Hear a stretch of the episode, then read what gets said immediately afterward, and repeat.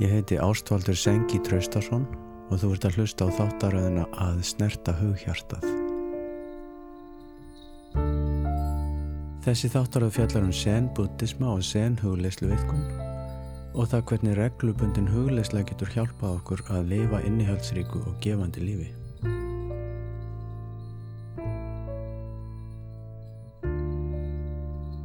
Hjartanlega velkomin í þennan fyrsta þátt í þáttaröðu sem hefur fengið nafnið að snerta hughjartað.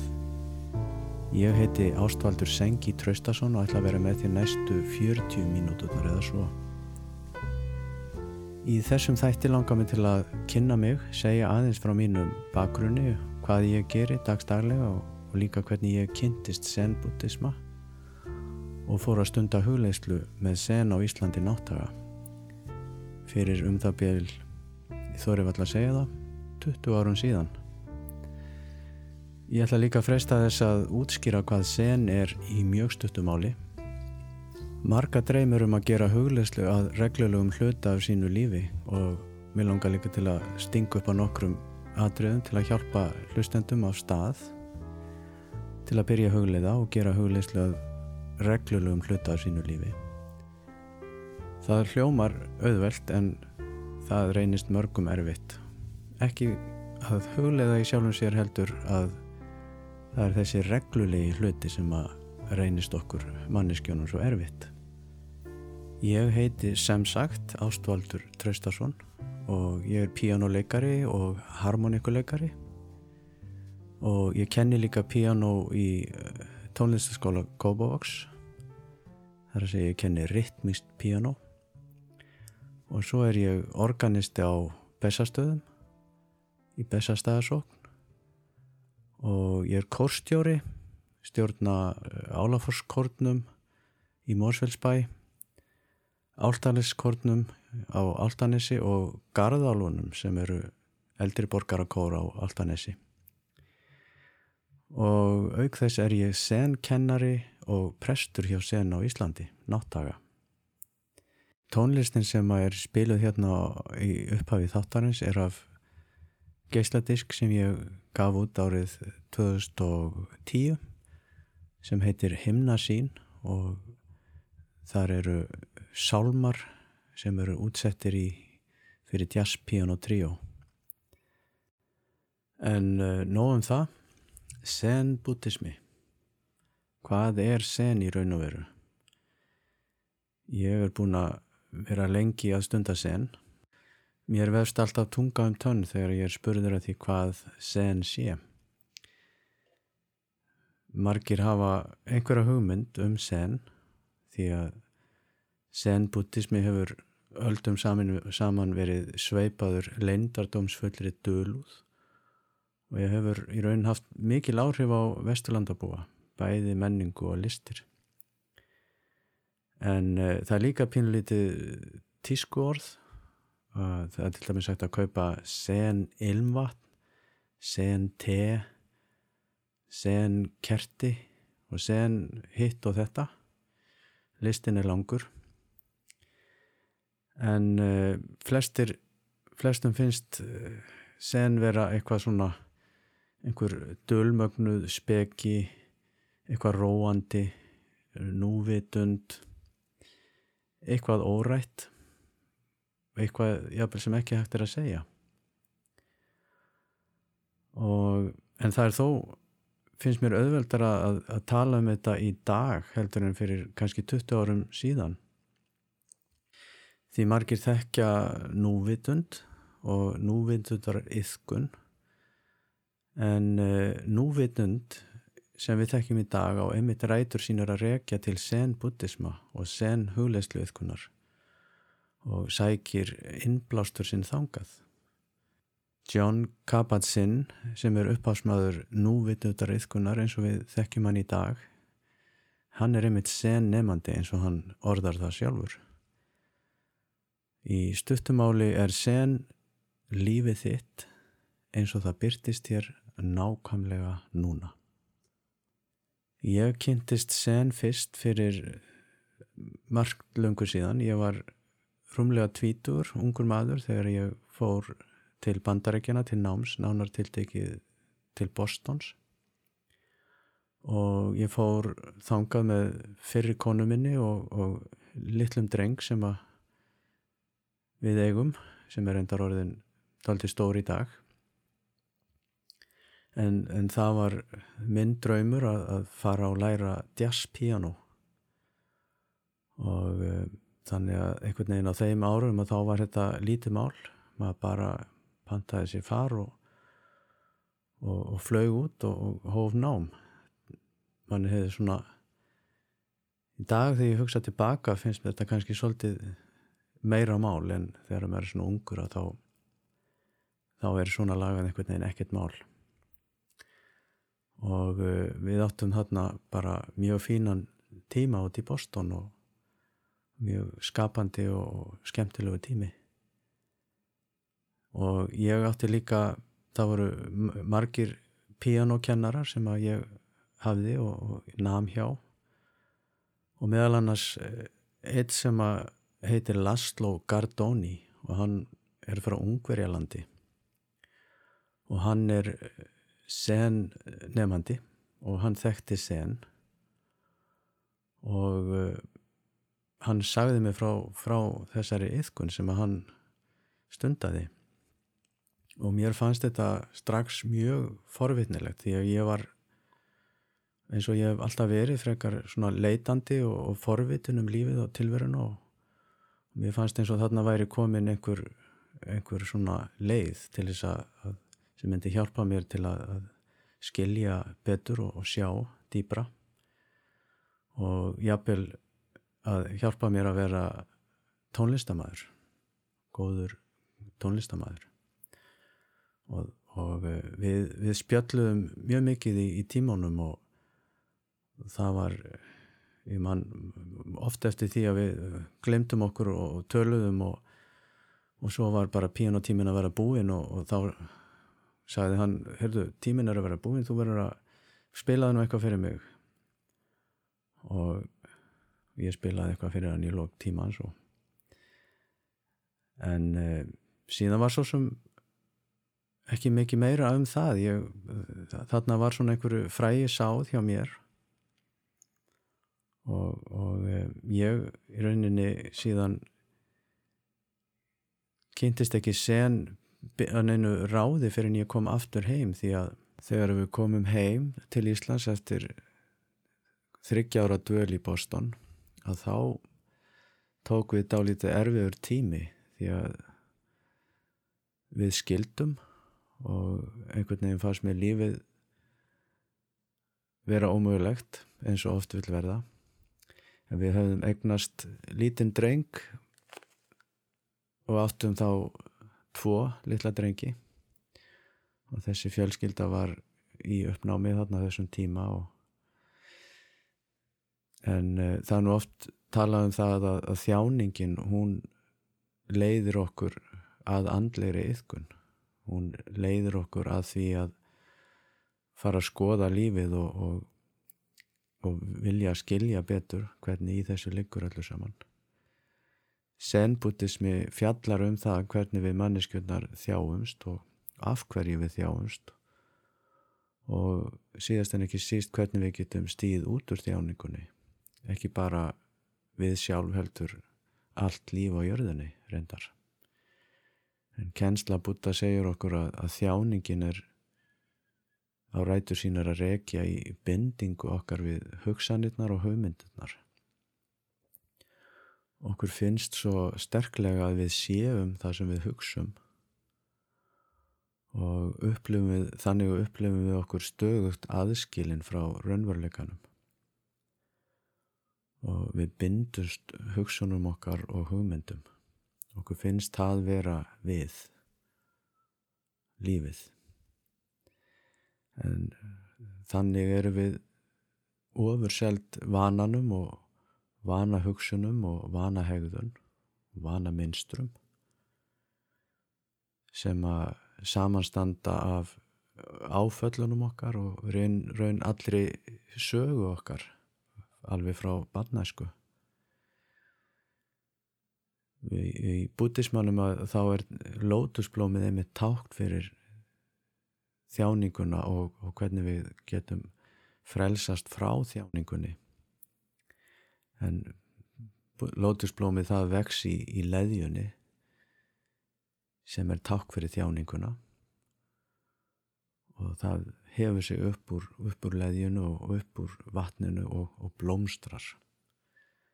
Það er að segja við blómið getur ekki blómstrað án leðjunar og eins og með okkur mennina þá getum við notað þjáninguna til þess að raun að blómstra. Þetta er mjög snar þáttur í, í kjænslu búta en þannig var þessi litla fjölskylda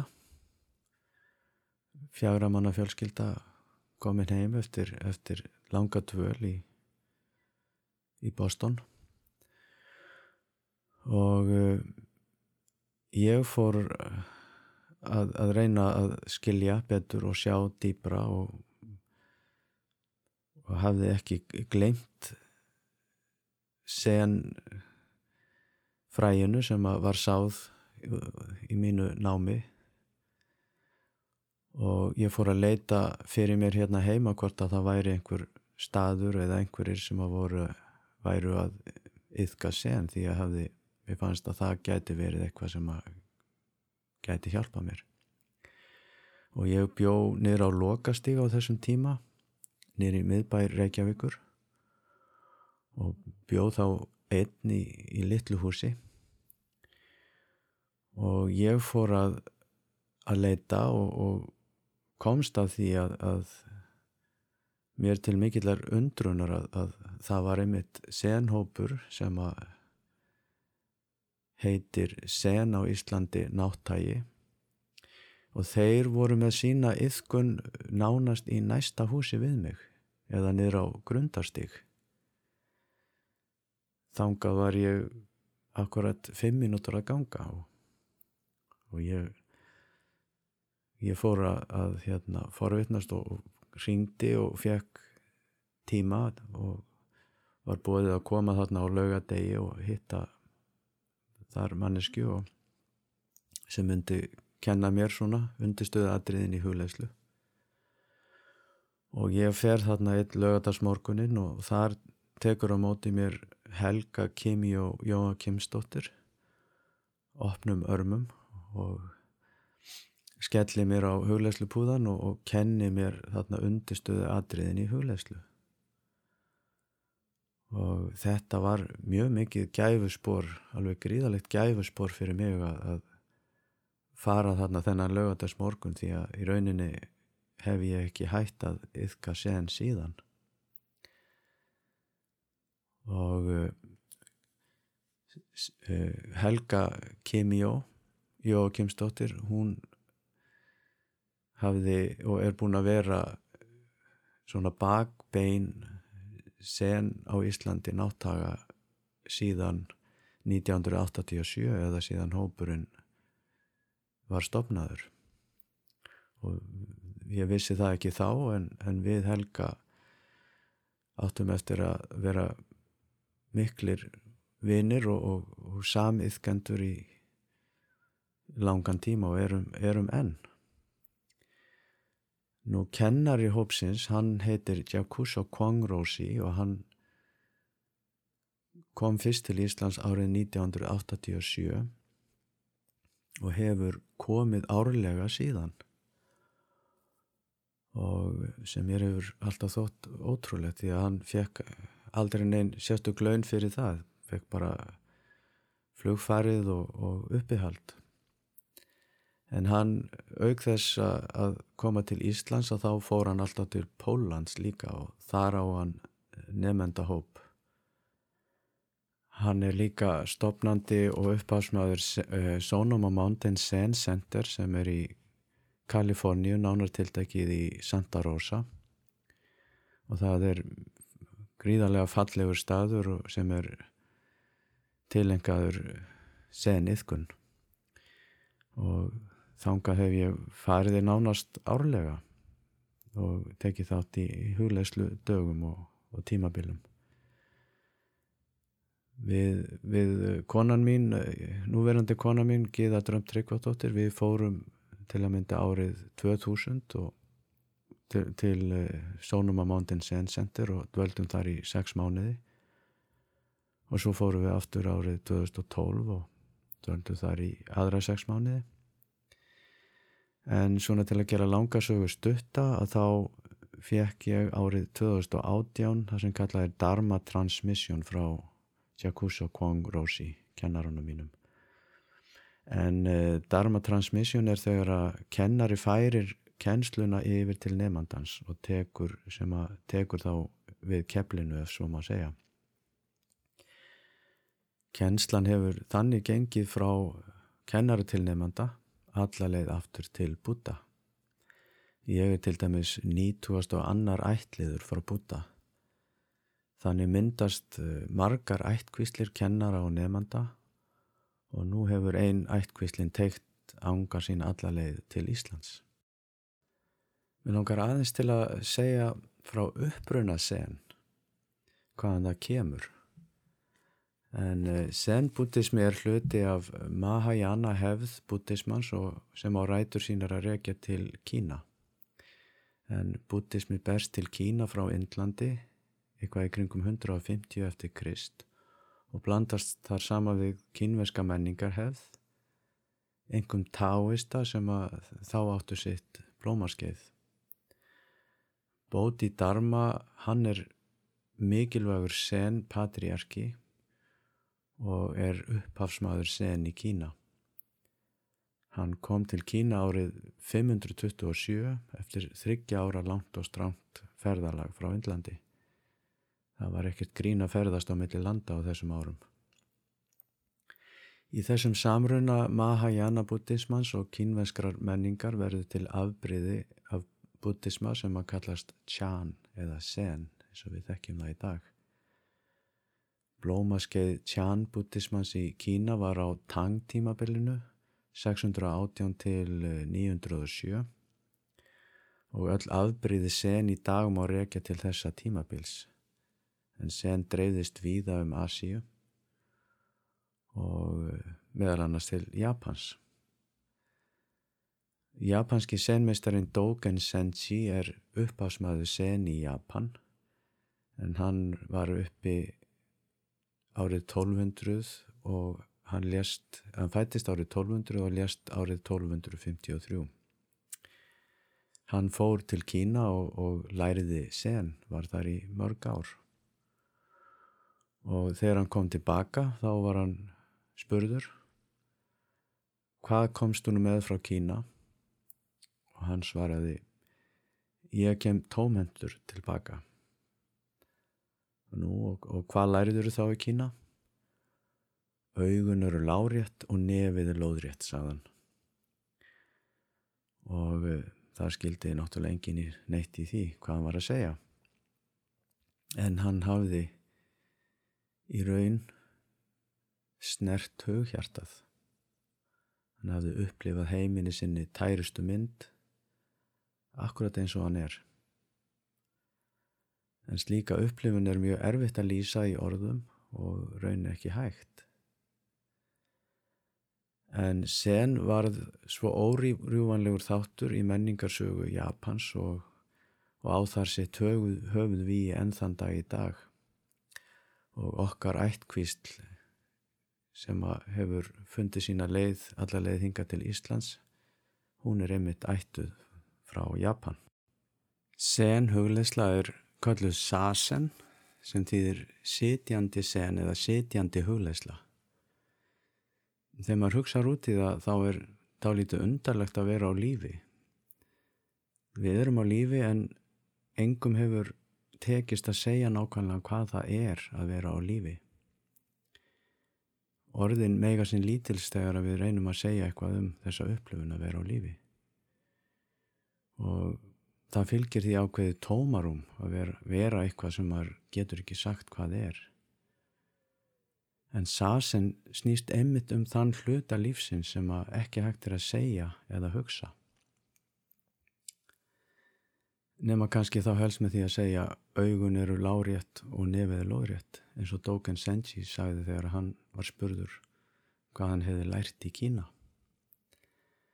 Tilsvör senmeistara eru oft á tíðum óskiljanleg enda ekki ætluð til að skilja. Heldur er þeim ætlað að benda á sannleikan í þínu lífi. Sannleikan sem er nákvæmlega hér og nú. Og eitthvað sem við verðum að finna sjálf og skilja sjálf. Með þessu svari þá tjáði Dogen Senji sína eigin uppljómun og hvernig hann hafði vaknað til síns eigins lífs. Og svarið bendir á lífið eins og það er hér og nú. Því lífið er meira en hægt er að segja. Þetta er einmitt veruleiki okkar mannana, við erum að lífi en getum ekki sagt hvað það er og við skiljum það ekki. Og við reynum eins og við getum að fylla upp í þetta tómarum sem myndast millir þess sem við erum og þess sem við höldum að við séum. Og það í sjálfum sér skapar heilmik, heilmikla þjáningu. Við þráum að skilja og við leitum sannleikans oftast allstaðar annar staðar en hér og nú. Hlaupum hingað og þangað og, og reynum að handla hamingjuna. En uh, gleymum því að hamingjan er stendur okkur til bóða nákvæmlega hér nákvæmlega nú því að hún getur hvergi annar staðar verið og ég held að þessi þrá sé í brjósti okkar allra að við berjum þess að þrá í brjósti. Hvort sem það er meðvitað eða ómeðvitað. Okkur langar til að skilja hvað það er að vera á lífi. Og mér finnst já, við, við tjáum þess að þrá með öllu því sem við tökum okkur fyrir hendi. Í, í listunum og, og vinnun okkar fjölskyldan okkar í hversteginum að vaska upp, busta tennurnar þið óskup venjulega daglega líf. Lífið er hverki annar staðar en þar sem við erum akkurat núna. Hvað sem við erum að gera. Þegar við bustum tennurnar þá er það allt lífið í heilsinni ekkert undir, undanskilið. Ekkert fyrir og ekkert á eftir að busta tennurnar er ekkert minna líf en þegar þú ert á tónleikum að hlusta á stórgóðslega tónlist. Og sama má segja um allt sem við upplifum þjáninguna. Í miðjum kvíðanum er allt lífið. Í miðju óttans er lífið. Því að kvíðin getur hvergi annars það að verið og það kemur því flestum á óvart þegar þeir kynnast sasen hugleislu að, að, eða núvitundar yðkun að sasen er ekki aðferð til að losna við neitt eða breyta neinu sem er heldur til að sjá það sem er við förum í sasen og stundum hugleislu til að mæta sjálfum okkur og, og finna hvernig það er að vera á lífi núna og leifa því að gerast. Og um, það er ekki eins auðvalt og sínist í fyrstu því að það er, það er miklu auðvaldar að sjá aðra heldur en að sjá sjálfan sig. Því að vörnin okkar er sterk og vanaminstrin eru sterk. Og þau fóstra í raun þjáninguna. Og við verjum vanaminstrin okkar og vegna þess að við samsömum okkar okkur þeim. Okkur finnst við vera það sem við hugsum og gerum.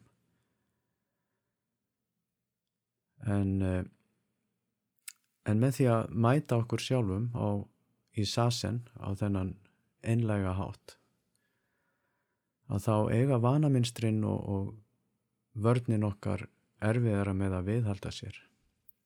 Því að þau þrýfast best í skugganum þar sem við sjáum ekki og þau stóla á það að við horfum ekki djúblega og sjáum ekki skýrt. En, við, en í sasin þá lýsum við ljósi núvitundarinnar, ljósi vakandi aðtegli á skuggana og erum óhrætt við að sjá það sem þar leynist.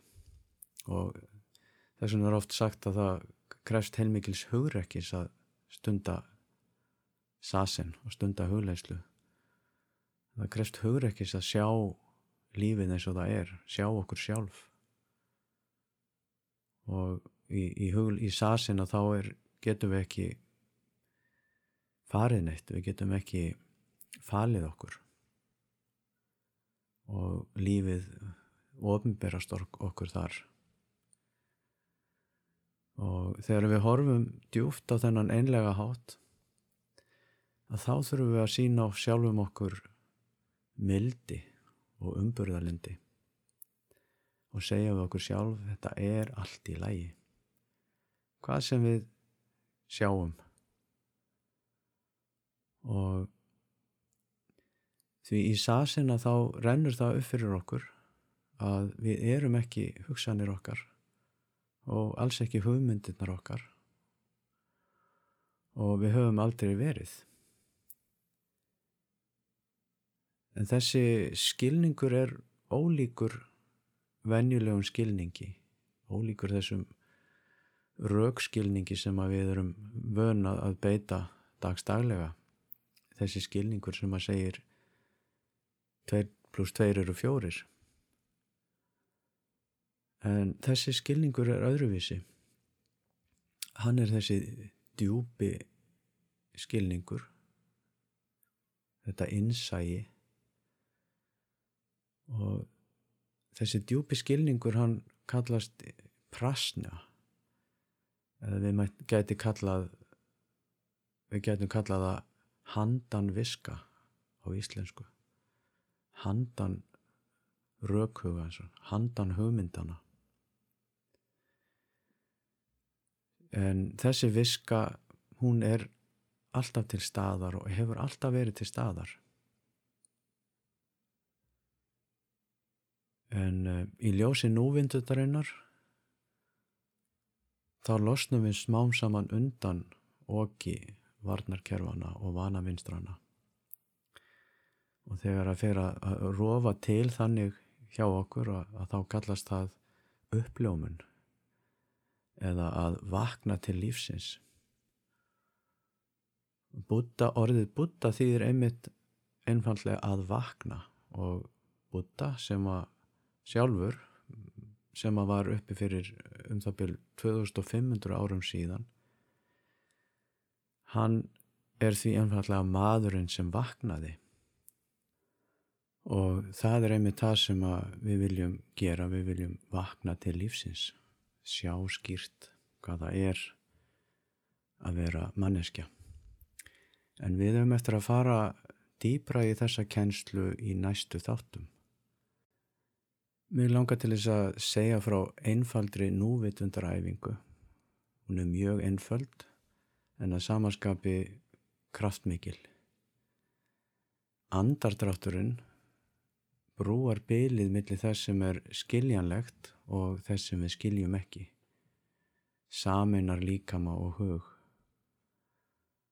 Andardrátturinn hjálpar okkur til að fá okkar ofur virka huga til að setjast í líkamann ef svo mætti orði komast. Við getum ímyndað okkur vasklas með gruggugu vatni sem við látum standa á borði yfir nótt. Morgunin eftir er gruggi sest á botnin og vatnið orðið tært. Fyrsta skrefið er að taka eftir andadrættinum. Ég held að margir hafi jafnvel aldrei gefið sér tíma til þess að taka eftir andadrættinum. En andadrátturinn er í raun kraftaverk því að þegar betur er að gáð þá skiljum við ekki alveg til hlítar hvað andardráttur er. Er þetta minn andardráttur eða er þetta lífið sjálft sem andar eða kannski bæði? Findu hvernig þú dregur andan, hvernig mægin rís og nýgur, hvernig brjóskassin rís og nýgur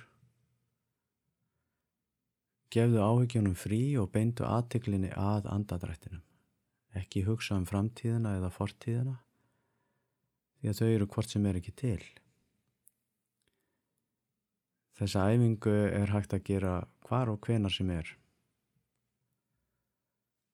Þegar þú andar inn, veistu að þú andar inn. Þegar þú andar út, veistu að þú andar út. Það er allt og sömt. Ef þú veist að þú ert að anda annarkort inn eða út, þá er hugurinn í líkamannum. Því að hann getur ekki verið á tveimur stöðum í einu. Við getum ekki, við getum bara beint aðteklinað einu í einu. Þú færir þetta ósköp hverstagslega fyrirbæri að anda úr hennu ómeðvitaða yfir í hið meðvitaða. Núvitund beinist alltaf að einhverju og í þessari æfingu beinust hún að andadrættinum.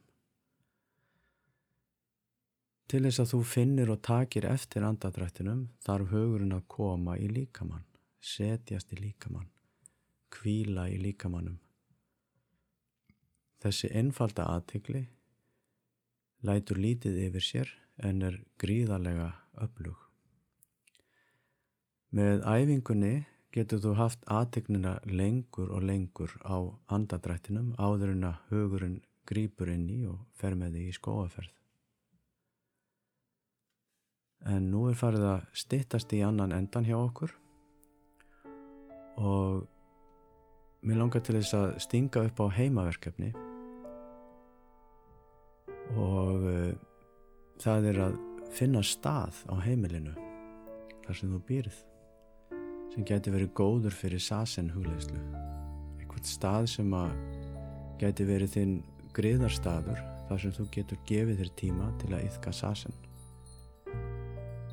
Eh, það er gott að vera á stað þar sem þú getur þú getur kannski kveikt á kerti eða haft blóm eða fallega mynd eitthvað sem róar hugan og hjálpar honum að koma í líkamann Svefnibergið er ekki endilega besti staðurinn til að hugliða vegna þess að þar sofum við og erum vön að vera sofandi og það getur stundum bara verið nóg að lappa inn í Svefnibergið og þá verðum við sefið en það viljum við ekki. Við viljum vera vel upplögð og vakandi þegar við stundum hugleðslu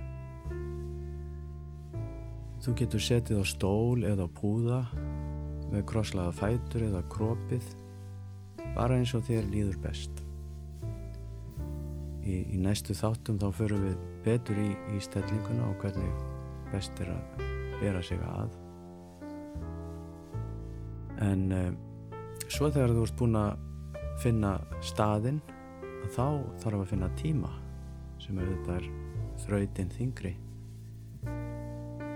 því að í nútíma samfélagi þá er ekki gert ráð fyrir þessu að við, við séum að gefa okkur tíma til að hugleiða. En við getum samt uh, smegt inn örlítilli hugleislu kannski kvölds og mótna ég mæli með á mótnana áður en að dagurum byrjar og svo á kvöldin áður en við förum að sofa Nú er þátturinn á enda, ég heiti Ástvaldur Sengi og ég þakka kærlega fyrir áhernina, sælað sinni.